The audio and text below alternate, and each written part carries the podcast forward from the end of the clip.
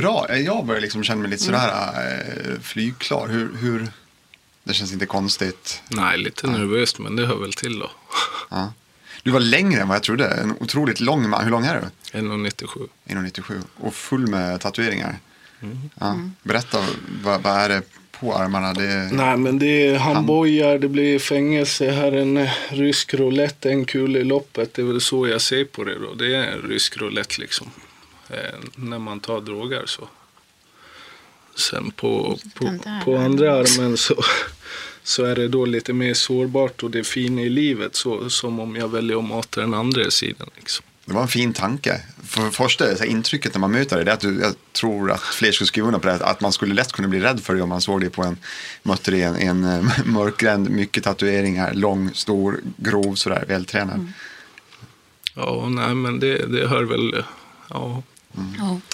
Ja, ska vi prova att kicka igång den här mm, podden då på något sätt?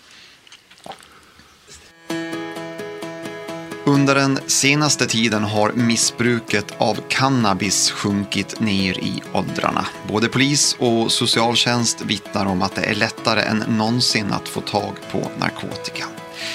Men hur är det då att hamna i missbruk när man faktiskt bara är ett barn? Hur påverkar det ens liv, ens familj och vilken hjälp finns egentligen att få?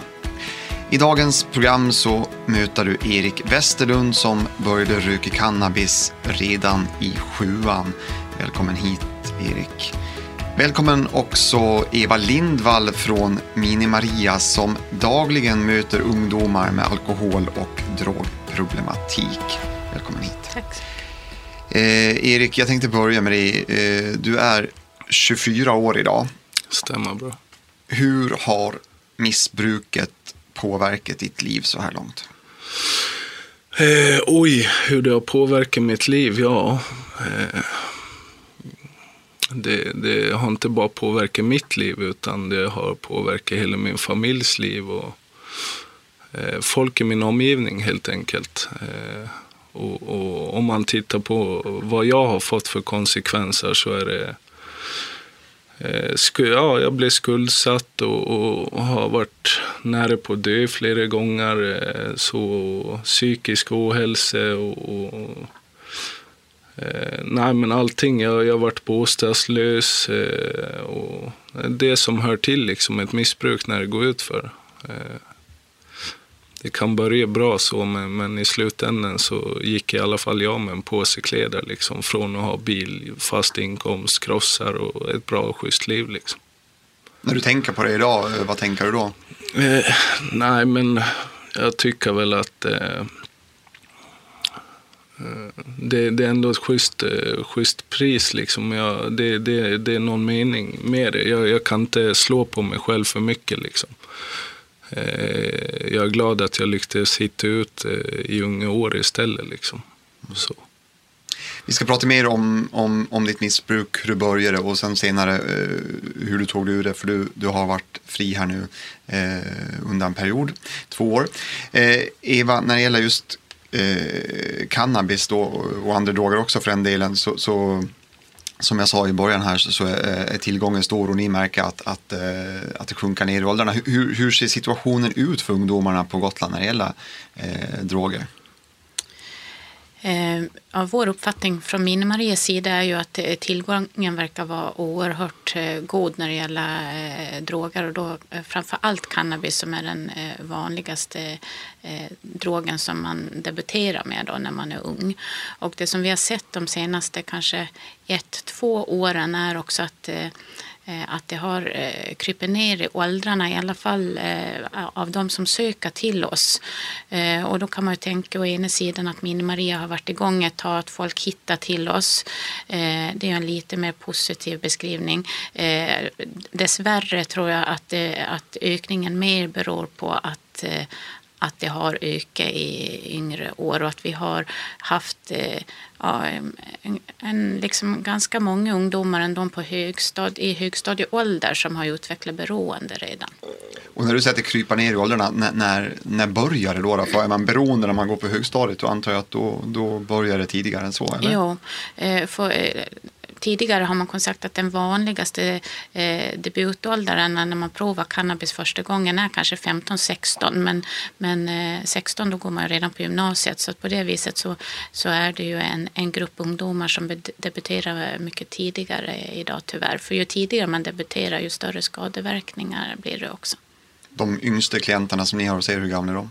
Ja, men de är eh, no, vid 14-årsåldern eh, tror jag. Vi har haft några som har varit 13 också, men just nu tror jag att de är i 14-årsåldern. Mm. Du som ändå jobbar med det, vad, vad, känner du inför den situationen, så som den är nu?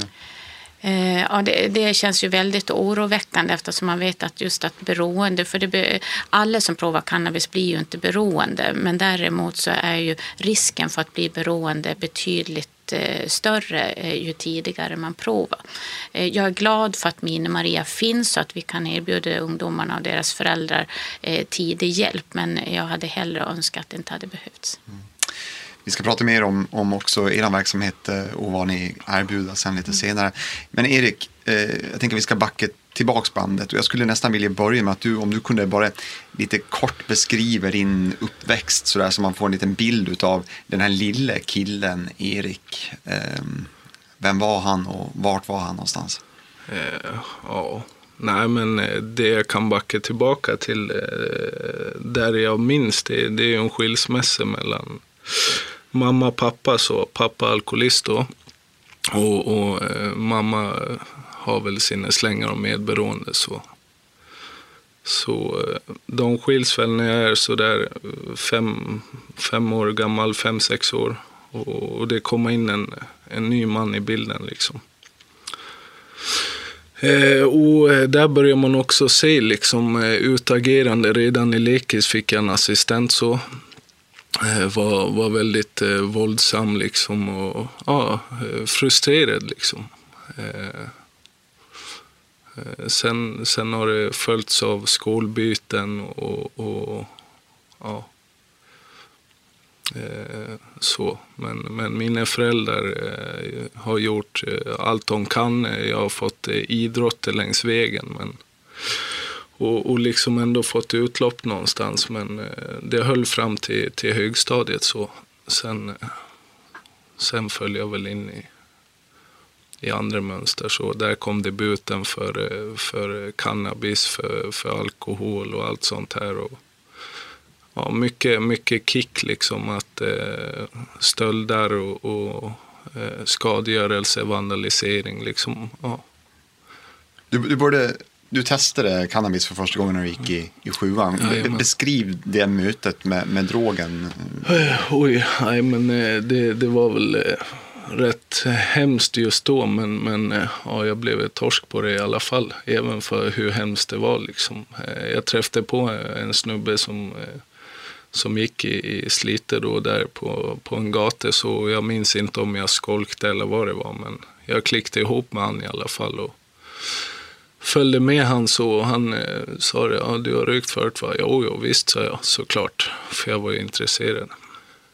Ja, vi går hem till han så och han rullade upp en, en stor joint och, och cigaretter rökte jag redan då så. Så eh, jag gjorde väl likadant med den där.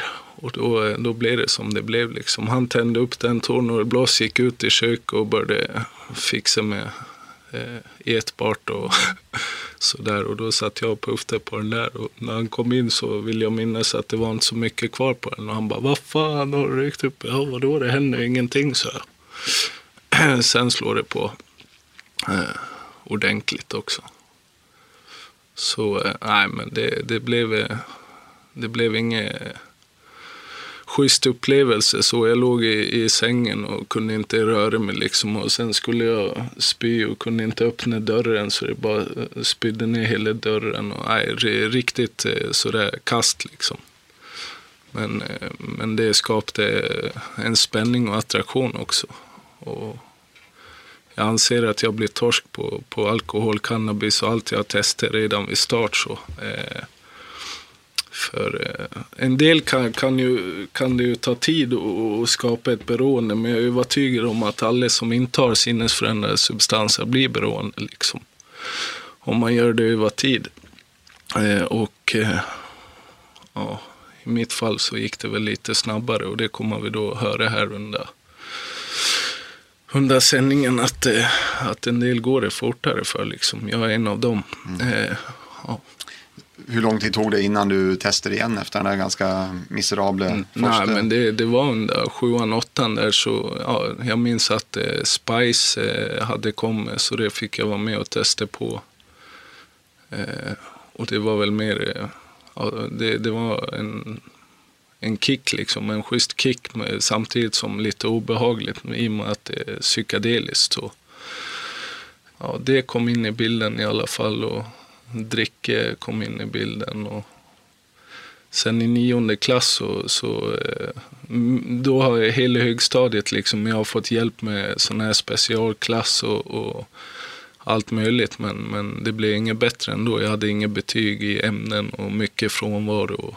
Så då då beslöt eh, ja, min mamma och skolan och dem att eh, han behöver liksom hjälp med medicin eller så, att det var något fel. Mm.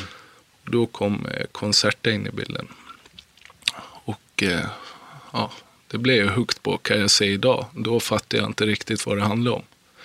Men, men jag kan ju se idag att det här startade mitt dagliga intag av, av ja, droger liksom. Så, som om vi skulle liksom summera högstadieperioden. Vad, vad var det du använde då? Cannabis, Concerta? Uh, ja, uh, spice, alkohol. Uh, ja, kanske att testa något annat, liksom en tablett i någon form och så vidare. Men, men huvudsakligen cannabis, alkohol och eh, Concerta då. Vad, vad tänkte du själv? För du måste någonstans ha insett att det här är, kan ju inte vara bra, eller? Nej, det, det funkar eh, inte riktigt så. Inte, inte för mig i alla fall. Utan eh, eh, Eh, då tänkte jag, jag hade svårt att identifiera problem med det i och med att det var min romansfas. Jag hade inga konsekvenser, även om jag liksom testade på och även om det kanske var farligt så såg jag inte det som att eh, det är något problem. Jag kan inte identifiera mig. Folk har ändå sagt längs vägen liksom se upp, eh, se, ja, se på din far vill du också, alltså peka på att jag är sårbar. Men jag kan inte identifiera mig liksom vadå? Hur ska jag identifiera mig med, med någon som sitter på bänken och supar nedgången när jag är en pigg ungdom liksom och har livet framför mig? det är svårt att se och tänka varje gång någon sa något att ja, ja men det gäller ju inte mig liksom. Mm.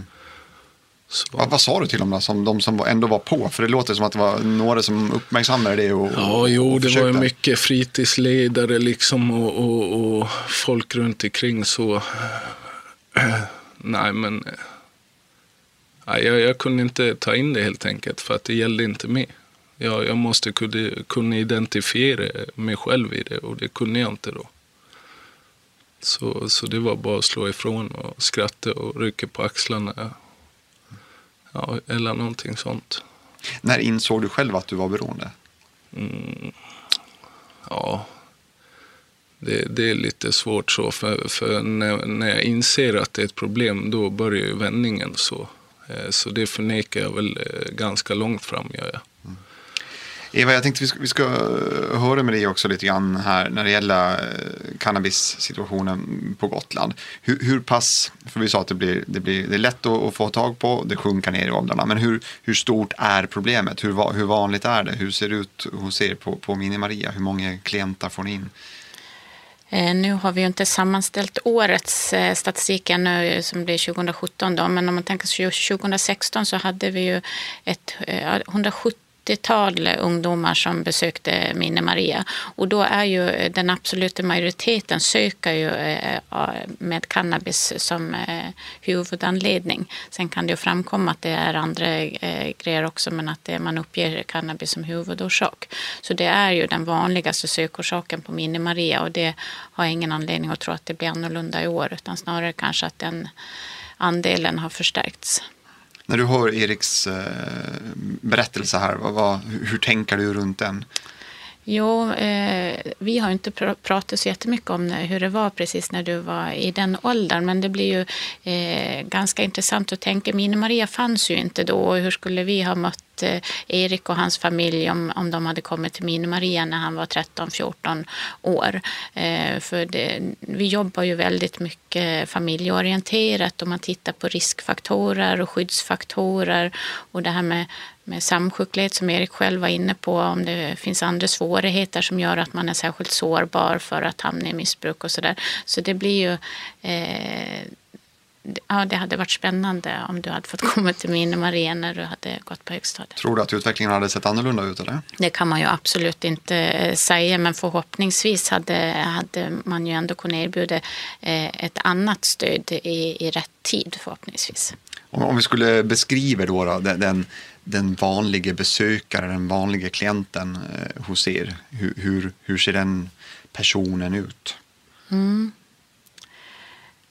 Men om jag väljer att titta på den yngre målgruppen då, eftersom vi ändå önskar att de kommer så tidigt som möjligt, så kan man tänka sig faktiskt att lite grann att det är två eh, olika. Att det, det, är dels den här som kanske liknar lite mer Eriks situation, att det är mycket riskfaktorer.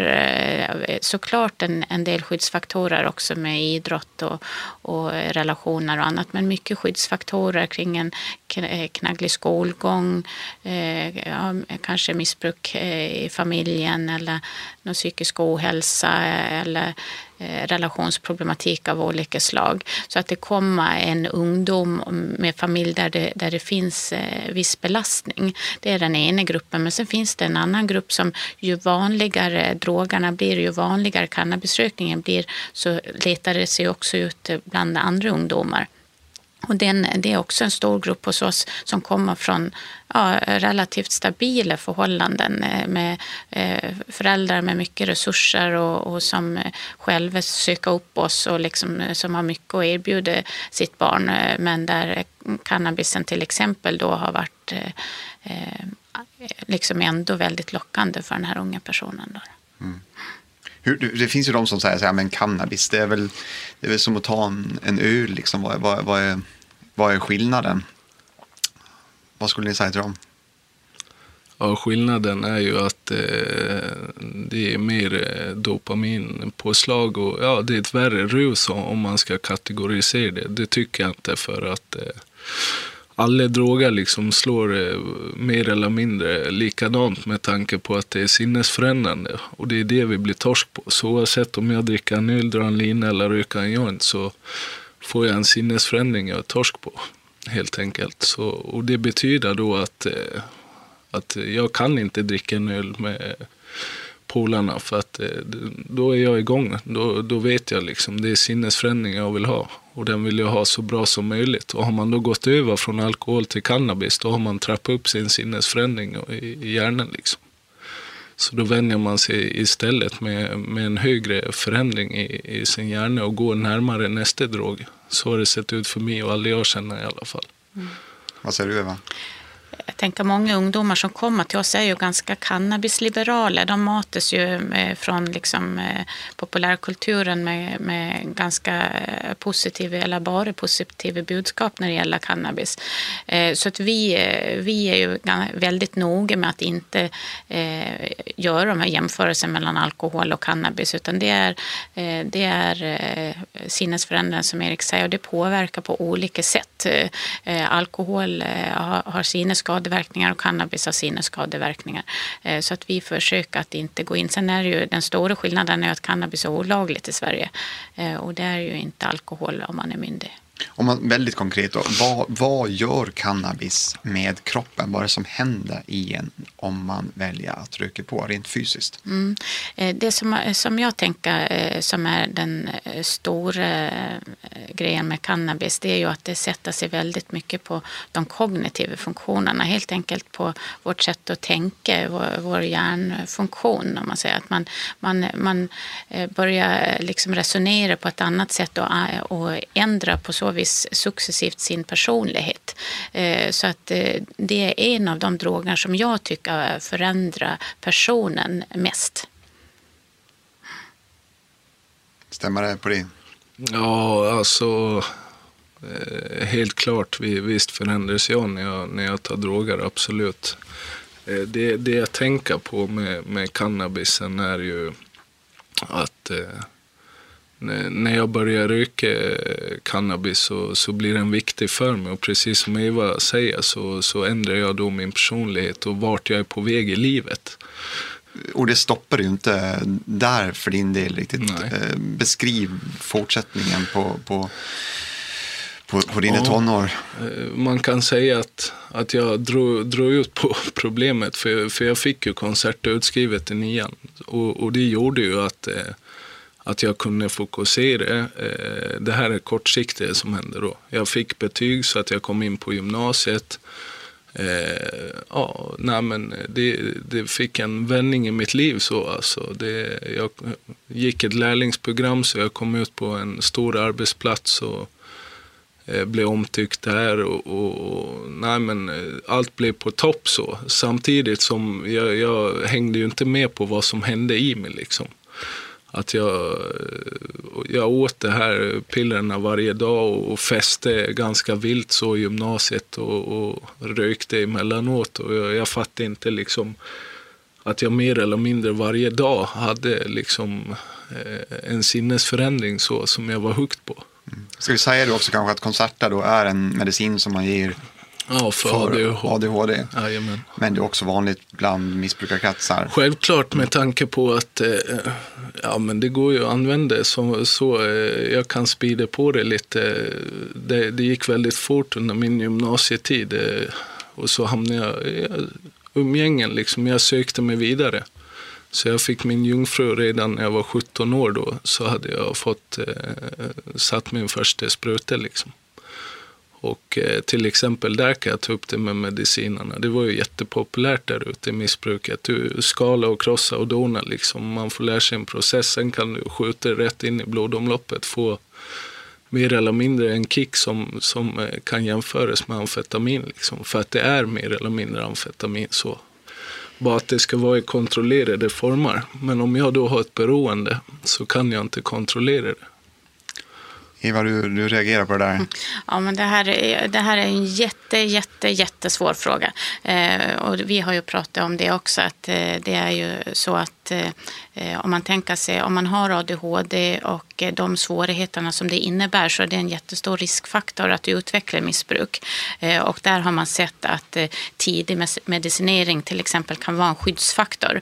Eh, sen i Eriks fall så har det inte varit det, utan det har varit en del i en, i en liksom redan påbörjad missbruksutveckling. Men jag tänkte att det är viktigt att ändå nyansera bilden att en del är hjälpt av den typen av medicin. Men, men har man ett, ett beroende så behöva den medicineringen vara väldigt, väldigt eh, uppstyrd och väldigt för, liksom att man följer den väldigt väl eh, från sjukvårdens sida.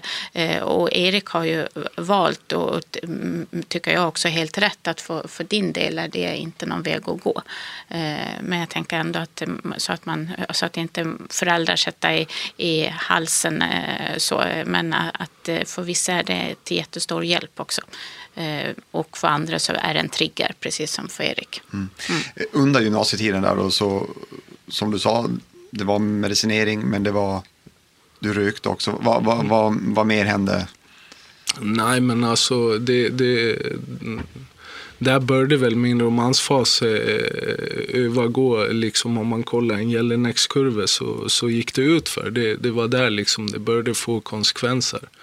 Beskriv, beskriv den Nej, men det var väl att jag höll igång hela, hela tiden. Liksom. Jag, jag var ju inte på praktiken och jobbade så var jag ute och feste och, och det hände alltid någonting. Liksom. Eh, Och, och jag kunde komma jätteutslagen till jobbet på morgonen, sova ett par timmar och festa hårt och sen Ja, men jag åt min medicin och jobbade på och tänkte så under förmiddagen att fy fan, idag ska jag ta det lugnt. Åh, hem och sova liksom. Och sen under lunchen, ja men nu börjar jag bli pigg igen.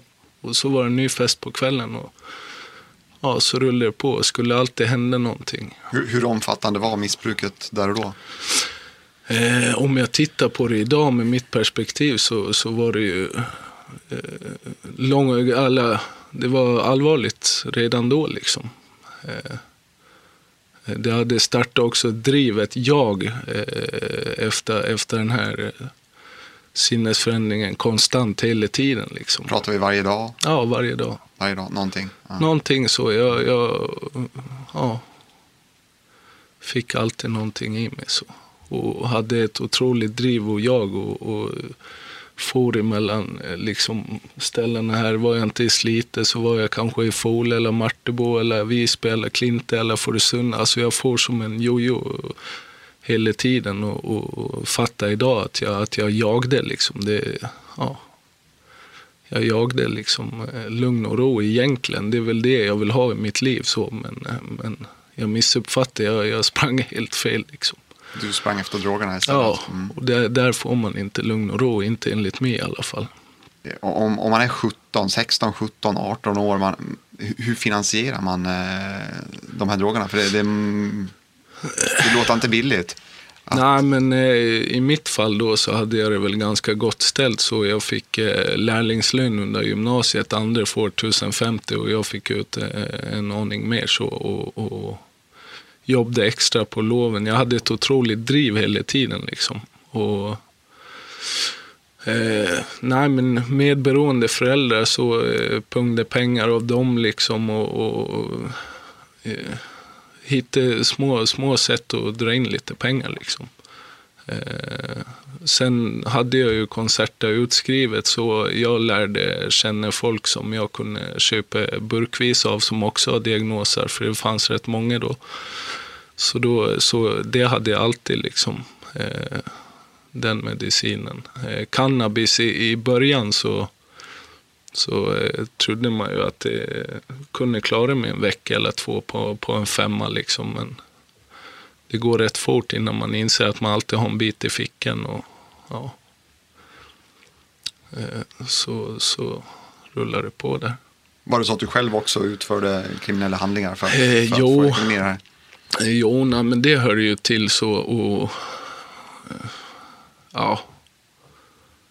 Eh, jo, nej, men det, så var det ju. Eh, stölder och, och ja, nej, men det, det hör till. Liksom. Man kanske hjälper någon annan, någon frågar och vill ha något, så då fixar jag lite extra bara och tar en bit där liksom. Och, som tack för hjälpen eller Ja, nej, men det, det rullar på. Man hjälps åt där liksom i, i missbruket och finansierar. Det är inte bara viktigt för mig och det, då betyder det att då har jag väldigt stort umgängeskrets. För att vi har samma viktiga grej i livet liksom. När du tänker tillbaka på den här tiden nu idag, vad tänker du då? Eh, nej, men det är i, idag jag lyckas eh, bearbeta så väldigt mycket så att jag kan sitta och skratta åt en del. Och visst, mycket är sorgligt och så, så att det finns både skratt och, och, och tårar och allt möjligt eh, kring det liksom.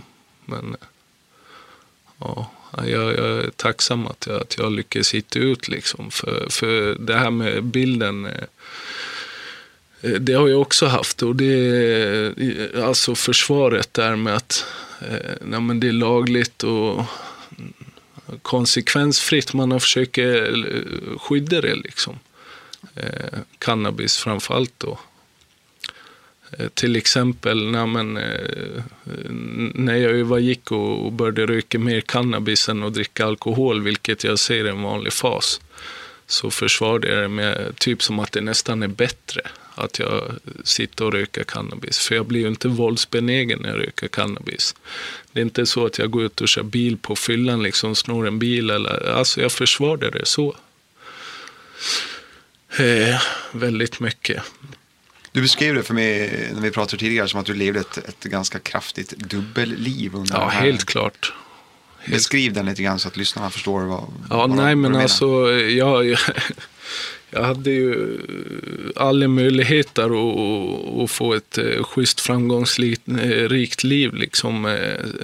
Det här stället där jag hade praktiken på, de satsade väldigt mycket på mig så jag fick anställning där liksom och, jag fick schyssta utbildningar och, och allt möjligt. så att det, jag var tvungen att, ha en fasad. Liksom. Jobbet var en grej och där där skötte jag mig väldigt bra och, och, och, så när jag var på jobbet. Jag låg i liksom. Eh, har hög arbetsmoral tycker jag då. Så, och det tyckte de i min omgivning också. Eh, så eh, levde jag ett annat liv när jag stämplade ut därifrån. Liksom. Då, då kom det andra fram. Hur var det att se sig själv i spegeln och, och konstatera att det, det är så här där? Ja, nej, men det, det är ju det jag tatuerar in och det är det jag står för. Och just då så, så matade jag med den andra sidan och då fick det bli så. Eh, samtidigt, jag för, alltså, det är klart det skapar ånger att jag inte tog vara på, på jobbet och, och alla relationer, fina vänner, allting. Alltså jag sumpte det, men, men ja, jag ser ju idag att det, det är ju den vägen man måste gå. Så, eller jag var tvungen att gå den få konsekvenser. Det, det, jag, jag, kan inte se framför mig att jag la ifrån mig det viktigaste jag hade i mitt liv, cannabis och, och amfetamin och allt det. Att jag la ifrån det och bytte det eh, mot eh, jobb och nej, jag kan inte se det, för det var ju det viktigaste. Så det var mitt sätt att hantera mitt liv liksom och stå ut med mig själv och alla andra.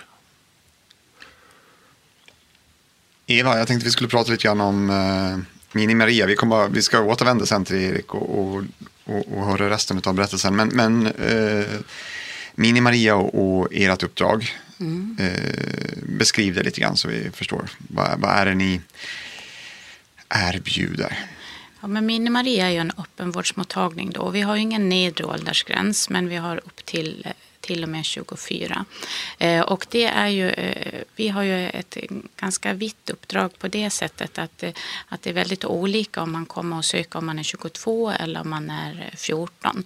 Vi jobbar med, med rådgivning, eh, bedömning och behandling där föräldrarna deltar i, i, i väldigt hög utsträckning.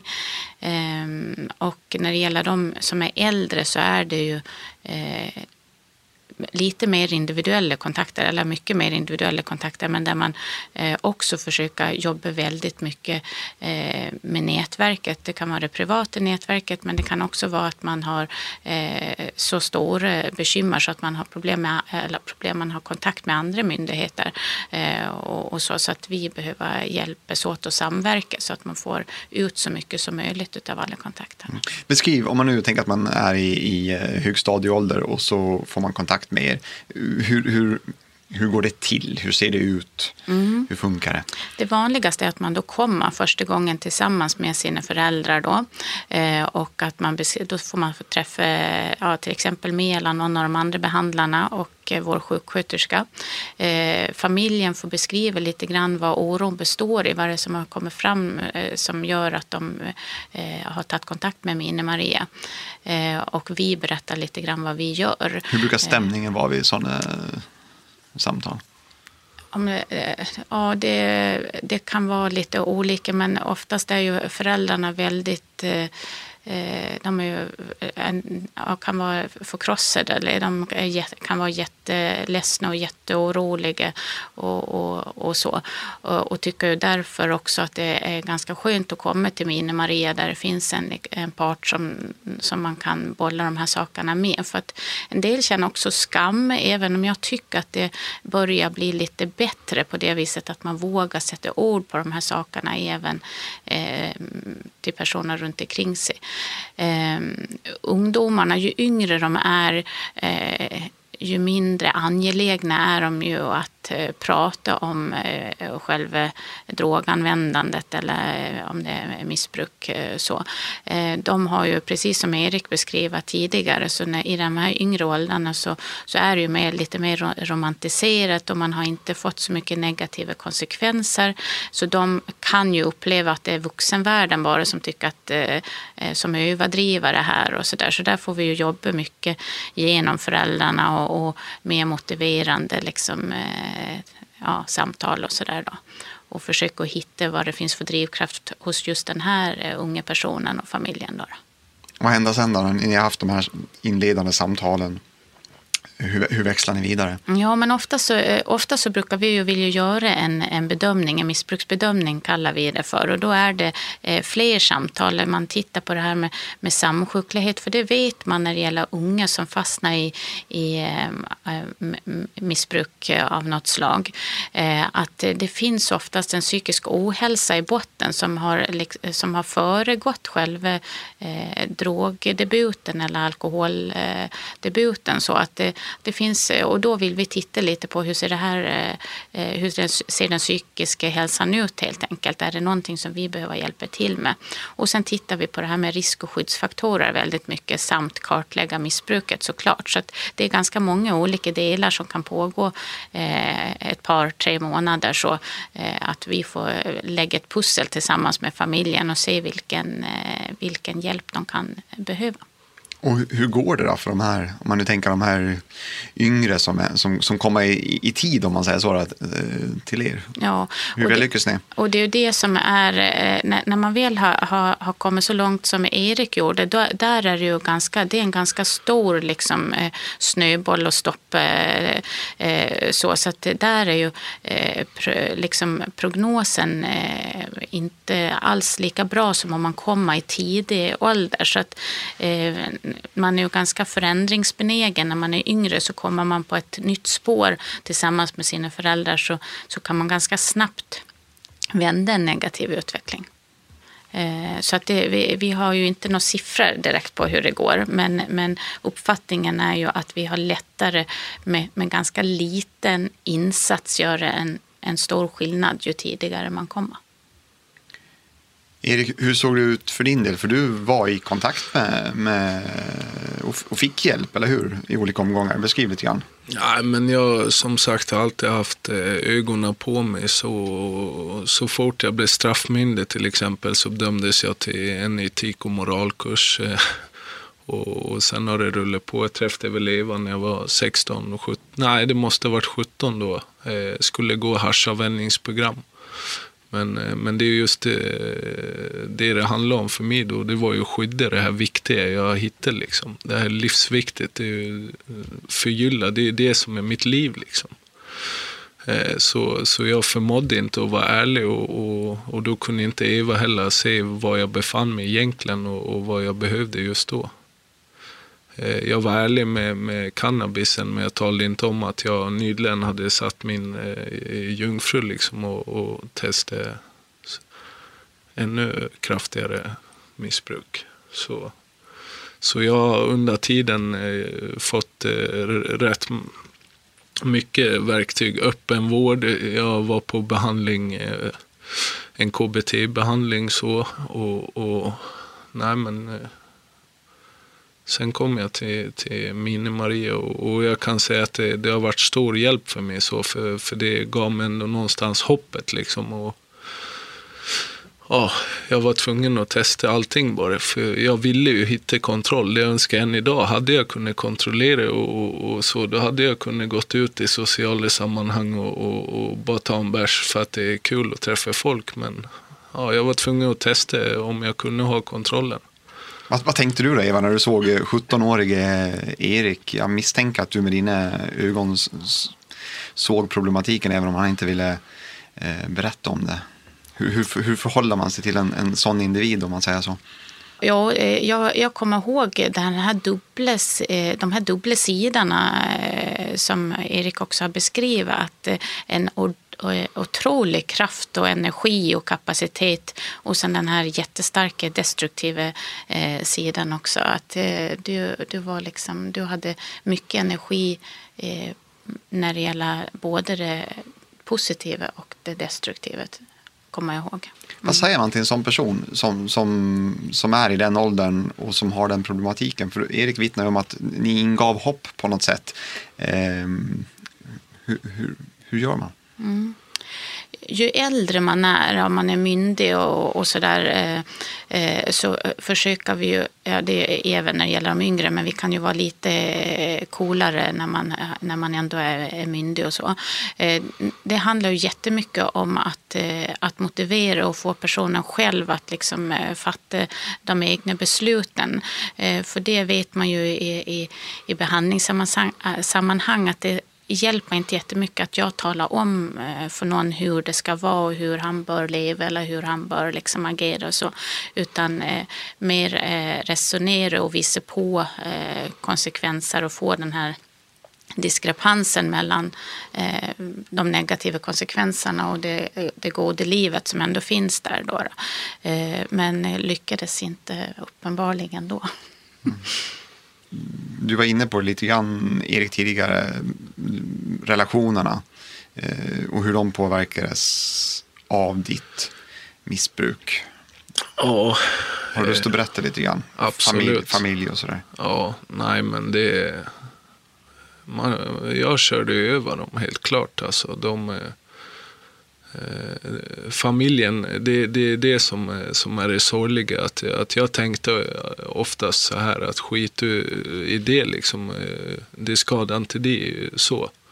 Det, det var det jag försvarade det med, men det skadar ju familjen mest liksom. För de får stå och se på närvarande känslomässigt så, medan jag jag har ingen känsla. Jag är väck och, och, och ja, är inte med. Men de får stå där med, med känslan och se hur, hur man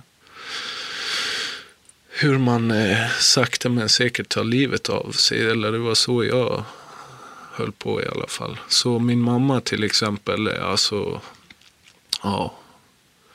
Jag, jag ju traumatiserat henne ordentligt. Eh, alltså, det, det bara flashar upp eh, minnen liksom. Eh, så hon eh, hittade mig eh, när jag mer eller mindre, eller jag hade tagit ett kanske ett självmordsförsök där kan man väl säga, en hel näve med piller. Så, så jag låg och var på väg och, och så, somna in. Och, och, den, jag kan ju bara tänka mig själv liksom och, och hitta mig, mitt barn så på väg att och dö liksom och frustrationen. Eh, maktlösheten och, och, hon undrar ju såklart varför och allt sånt här. Och när hon hittade min eh, en kanyl eh, liksom för första gången och hon, hon bara står och skakade och alltså eh, det, det är helt sjukt vad, vad jag utsatt mina, mina nära för så. Eh, och, och det, det var ju inte min, min mening liksom. Det var ju inte det var ju inte det jag hade vilja liksom. Men, men de blev ju mest drabbade. Det var de jag körde över mest. Eh, det blev mina slavar på, på ett sätt så jag kunde ringa liksom och kommer ni inte hit med, med pengar nu då blir det så här och allt är kört. Så, alltså de fick ju slavar för mig hela tiden liksom. Eh, hade jag använt upp pengarna så betalade ni inte hyran så, så blev jag bostadslös. Även om jag hade gott om pengar. Bara att jag behövde mer knark. Liksom. Alltså det, familjen utnyttjar dem och, och de, de, man har närmast och älskar mest. Det är de som blir hårdast överkörda. Och det var det jag menade i början här. att eh, det har inte bara påverkat mig, mitt missbruk. Det är det som är viktigt. Liksom. Det har påverkat alla runt omkring mig. Liksom mina vänner, så eh, barndomsvänner liksom eh, eh, körde över dem också. Alltså jag har kört över alla eh, i mitt missbruk som har funnits omkring mig liksom. Arbetsgivare som har gett förtroende och de har också velat hjälpa mig liksom och gett mig chans på chans. Och, även om det inte är min mening, alltså jag, så det är så det blir i, i missbruk. Liksom. Man, man, kan inte hjälpa dem utan det, det blir ringar på vattnet. Så. Eh, det, det, är så mycket minnen när man tänker på, på andra människor som, som har blivit berörda. Eh, så. Och, och nej, det, det är en stor sorg i det. Eh, och, samtidigt eh, häftigt eh, att få, få bearbeta det så. Eh, är det. Jag ser att du blir berörd när du, när du pratar om det, eh, såklart. Eh, finns det någonting, känner du idag att det finns någonting du kan göra eller säga till, till dina anhöriga för att Eh, inte säga, jag, jag har sagt allt som går att säga under åren att eh, förlåt och hej och hå, det, jag ska inte och nu är det bra liksom. Jag vet inte hur många gånger men det är mer visa i handling. Eh, det på lång sikt liksom. Eh, börja med, med att visa att man menar allvar för det har jag ju gjort hundratals gånger har jag menat, nu slutar jag liksom. Och det har jag menat till arbetsgivare och alla, bara att jag har inte förmått för att det, det är sådana sjuka krafter som, som styr en. Liksom. Eh, så, så jag har menat det säkert varje gång jag har sagt det, bara att jag har inte förmått det. Liksom. Kommer du kunna förlåta dig själv för, för, för det sveket någon gång, tror du? Eller? Ja, jo, jo, jo, men det, jag, givetvis förlåter jag mig själv. Det måste jag göra för att komma vidare. Så, eh, ja, så är det ju. Eh, jag, jag ser orsaken, jag vet varför och, och ja, jag, jag gör vad jag kan för, för att inte hamna där igen. Så. Eva, eh, när det gäller anhöriga då och jag misstänker att det här, den här berättelsen går igen och igen och igen och igen. Mm. Vilket stöd kan man få då om man är anhörig? Ja, eh, för det, det kan man ta tillfället i akt här och säga att Mini-Maria är till lika mycket för de anhöriga som för de unga personerna som, eh, som kommer till oss. Eh, och de anhöriga lider nog oerhört, precis som Erik beskriver, allra helst om man har ett barn med den här svåra liksom, problematiken. Så, så att vi har en gång per termin så har vi en föräldragrupp bland annat där det är just föräldrar till de uh, unga som har lite mer omfattande problematik. Inte de här som har provat enstaka gånger utan de som har... Och där är det ju en jättevinst att få träffa andra som är i samma situation. Att få, eh, få att prata med andra föräldrar som... För det här är kanske ingenting man sitter och pratar om på uh, fikarasten på jobbet eh, så utan det här blir ett forum ändå som de kan hitta andra som har upplevt lite liknande saker saker. Så det är en gång per termin som vi har en sån föräldragrupp och den har vi haft fem eh, omgångar hittills så jätteuppskattat. Det är skuldavlastande eh, att få, eh, få träffa andra. Så. Och och eh, så har vi även föräldragrupper för den här andra lite yngre gruppen eh, med en föräldrautbildning eh, i cannabiskunskap och där är det lite mer utbildningsinriktat om man säger att man får lära sig lite mer så att man ska kunna möta sina ungdomar på ett annat sätt och då är det för dem som kanske har har varit i kontakt med cannabis eh, lite mer i begynnelsen. Då. Hur, hur mår de här, om du skulle sammanfatta, hur mår de här föräldrarna eller de här anhöriga som du, du möter i de här grupperna? Om, eh, om man tänker sig den yngre målgruppen, de är, de är ju kanske lite mer tagna på sängen och lite mer i chock och eh, herregud och inte mitt barn och eh, så. Eh, Medan den, eh, den eh, gruppen som har eh, kämpat kanske flera år med ett barn som har den här tunga problematiken. Där kan det ju ta sig väldigt, det Erik var inne på det här med medberoende. Det handlar om att man liksom av kärlekshandling försöker hjälpa sitt barn men att det kan bli lite tokigt ibland att man hjälper på ett sätt som gör att man kanske på nät, på något vis underlätta för missbruket och sådär. Ge pengar till exempel? Ja, till exempel. Eh, eh, men man vill ju inte heller att ens barn ska eh, bli bostadslös eller så. Så att man, man får tänka sig att det är kärlekshandlingar men att man i de här starka krafterna som beroendet är så är det lätt att gå vilse som anhörig och det är ju sånt som vi jobbar med i de här grupperna. Men sen kan man också ha slitit så hårt så att man själv nästan blir sjuk, att man blir utbränd och mår liksom psykiskt dåligt. Depression och, och sådana saker. Att, eh, ja, så att det, det, är, eh, det är mycket lidande eh, bland de anhöriga. Hur viktigt är det att som anhörig söka hjälp? Jätteviktigt tycker jag. Och, och, I början så upplever man ju att de söker hjälp väldigt mycket för de gör ju vad som helst för sina barn. Eh, att de eh, söker hjälp för att kunna hjälpa sitt barn. Eh, men sen styr vi ju om fokus lite att man huvudfokus ska vara att man ska hjälpa sig själv. Så att, att man själv ska kunna ha ett drägligt liv. Och sen får bonus bli att man också kan hjälpa sitt barn på vägen för det vet man att det har liksom eh, de eh, effekterna. Att, att eh, om man börjar tänka lite annorlunda som anhörig så kan det också hjälpa barnet. Mm. För din del Eriksen så, så, så kom det till en vändning. Du beskrev en, en nedförsbacke som, som i mina öron verkar ha blivit riktigt, riktigt eh, brant. Vad var det som, som gjorde att, att, att du lyckades med att, att skifta fokus? Vad var det som fick dig att ta tag i situationen?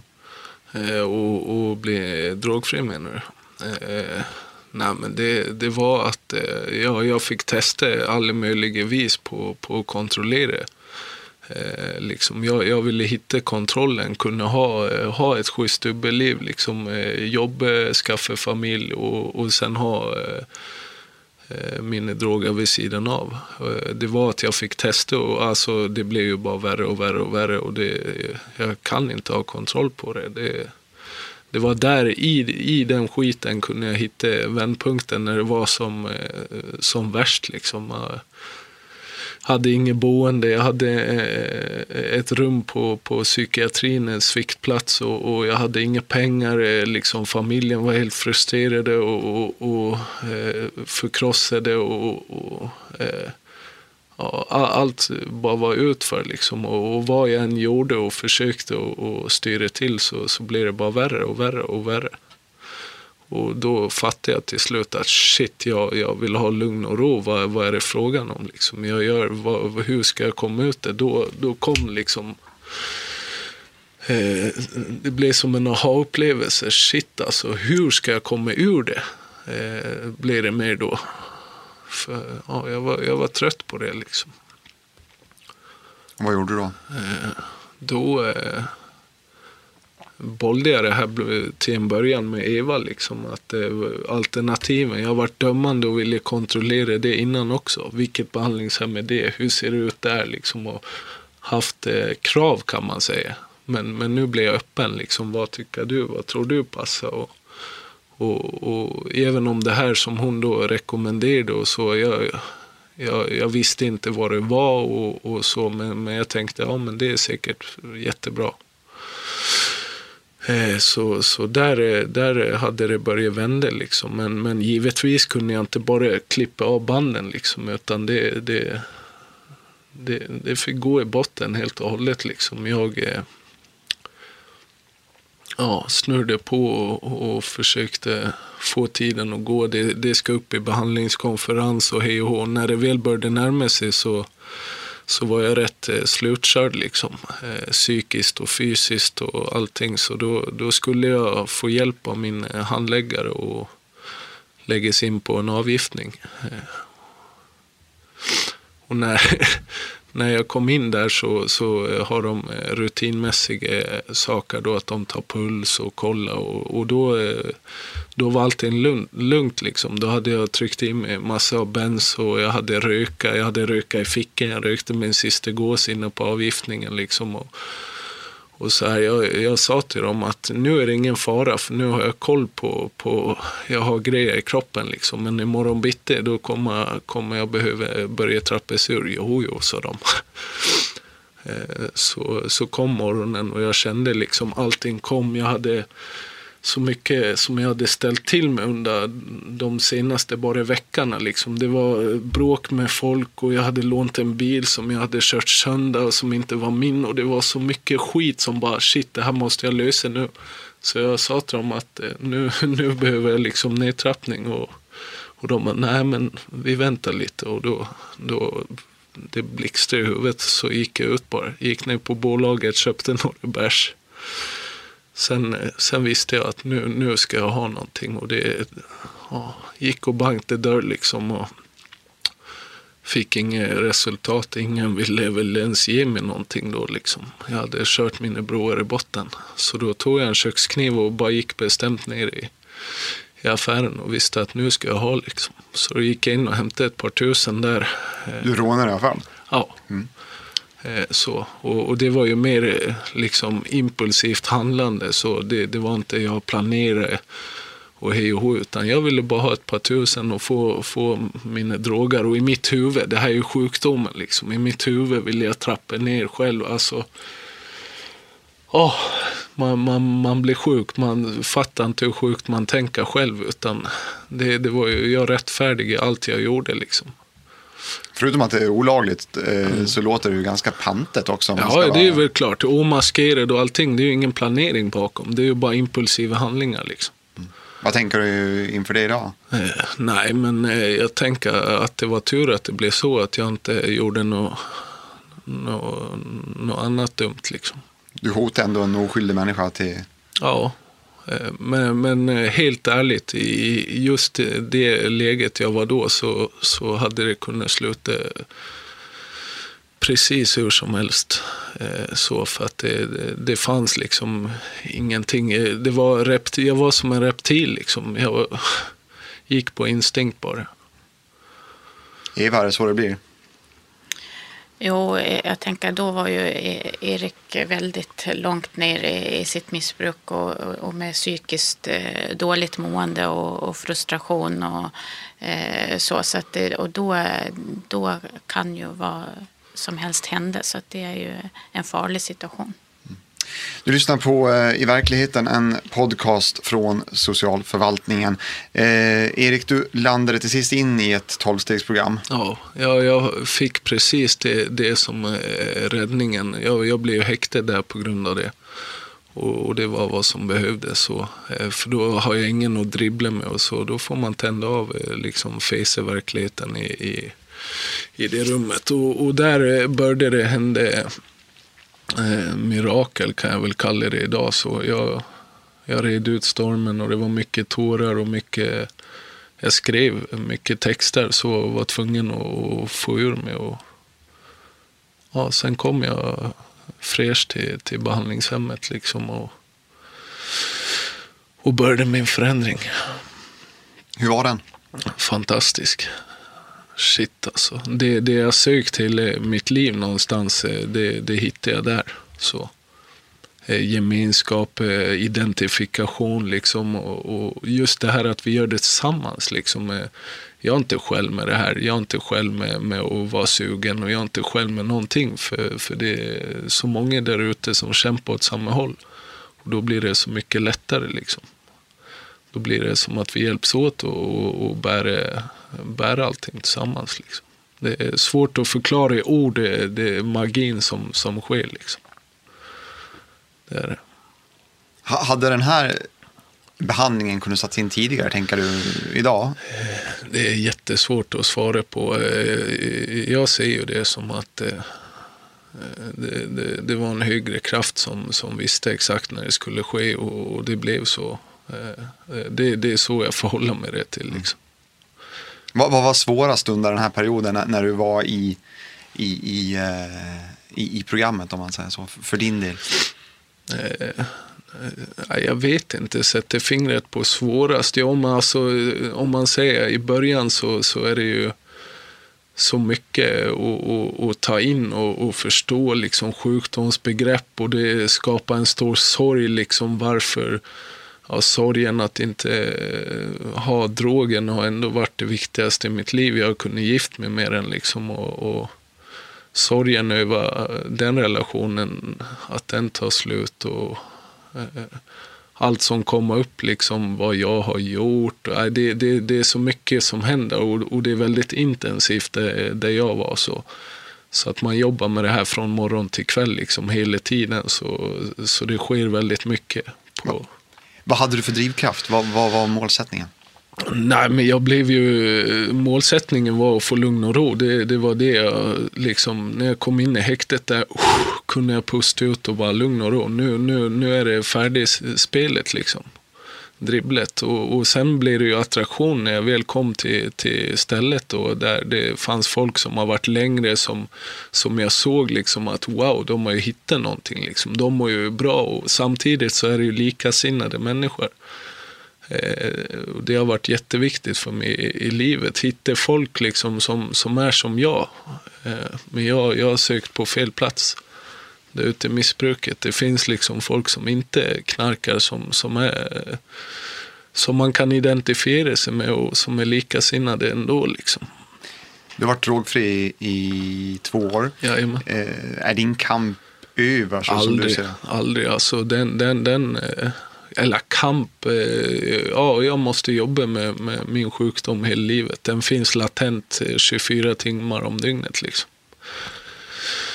Och den, den, ja, det, det, det är rätt häftigt att, att, se hur den jobbar. Liksom, för att den försöker alltid, alltid få, få ut mig så. Eh, det gör den. Hela tiden. Men det är ju hur jag jobbar med mig själv. Liksom. När, när jag jobbar med mig själv så, så börjar jag ju eh, analysera mina egna tankar och eh, vänta lite nu, varför tänker jag så? Liksom? Och det är då jag börjar se också hur sjuka tankar eh, det är. Liksom.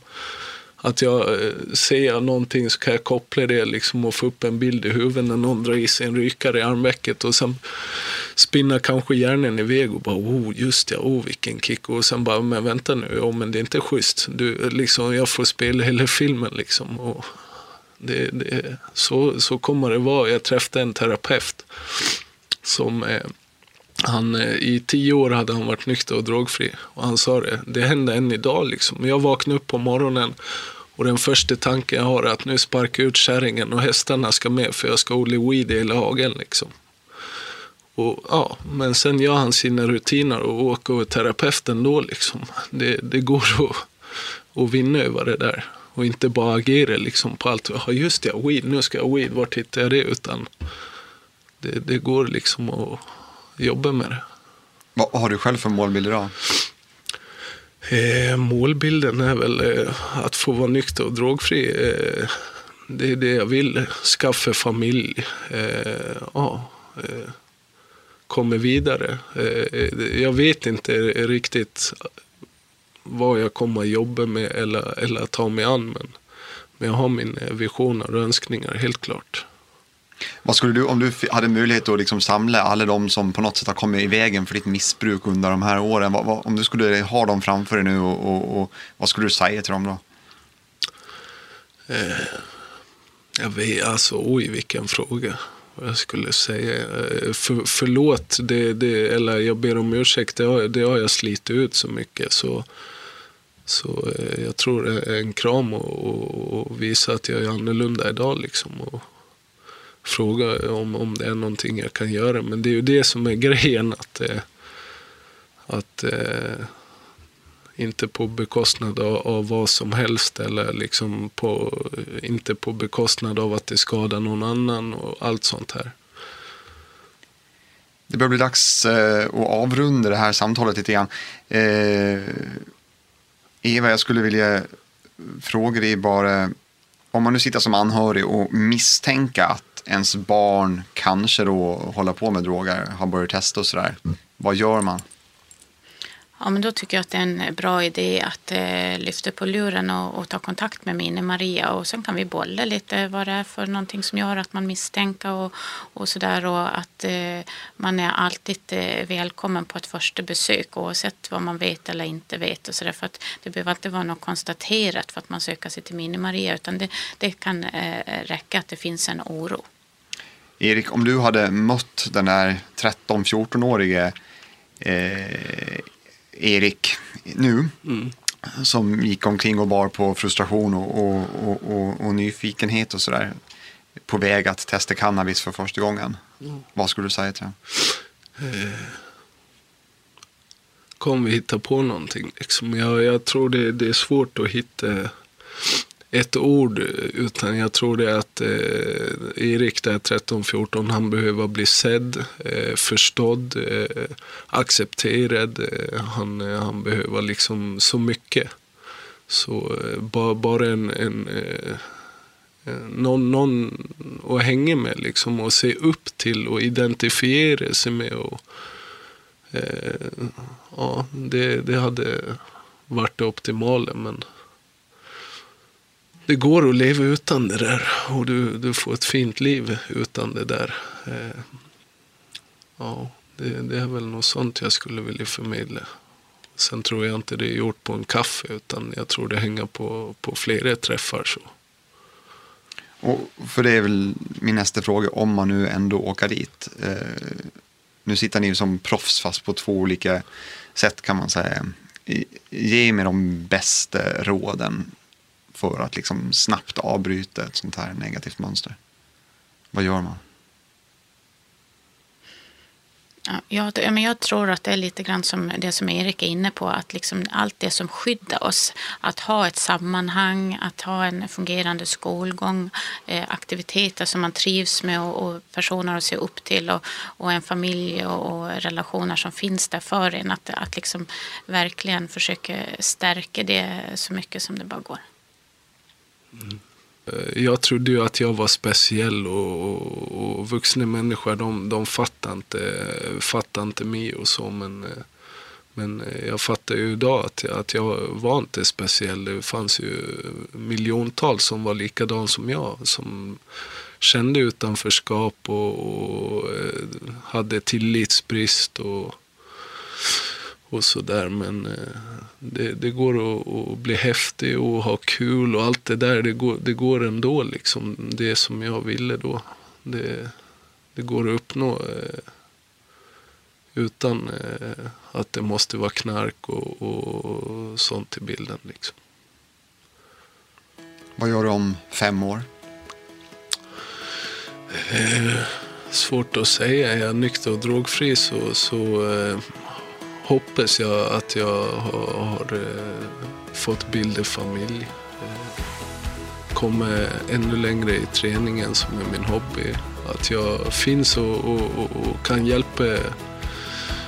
Det är klart jag känner att, att jag skulle vilja hjälpa till. Jag har förstört mycket med mitt missbruk. Nu, nu vill jag hjälpa till också. Eh, så, så någonting där känner jag. Jag håller tummarna för det. Eh, tack Erik Westerlund och Eva Lindvall för att ni hade tid att ta er hit idag. Eh, du har lyssnat på eh, I verkligheten, en podcast från socialförvaltningen. Vi finns på nätet på gotland.se i verkligheten eller där poddar finns. Tack för att ni kom. Tack.